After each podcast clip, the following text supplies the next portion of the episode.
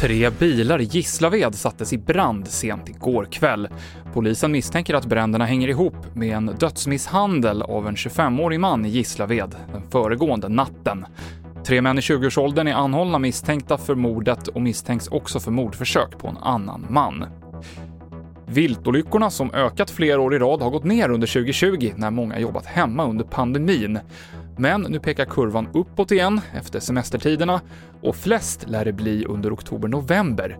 Polisen Tommy Åkerberg är representant för Nationella viltolycksrådet.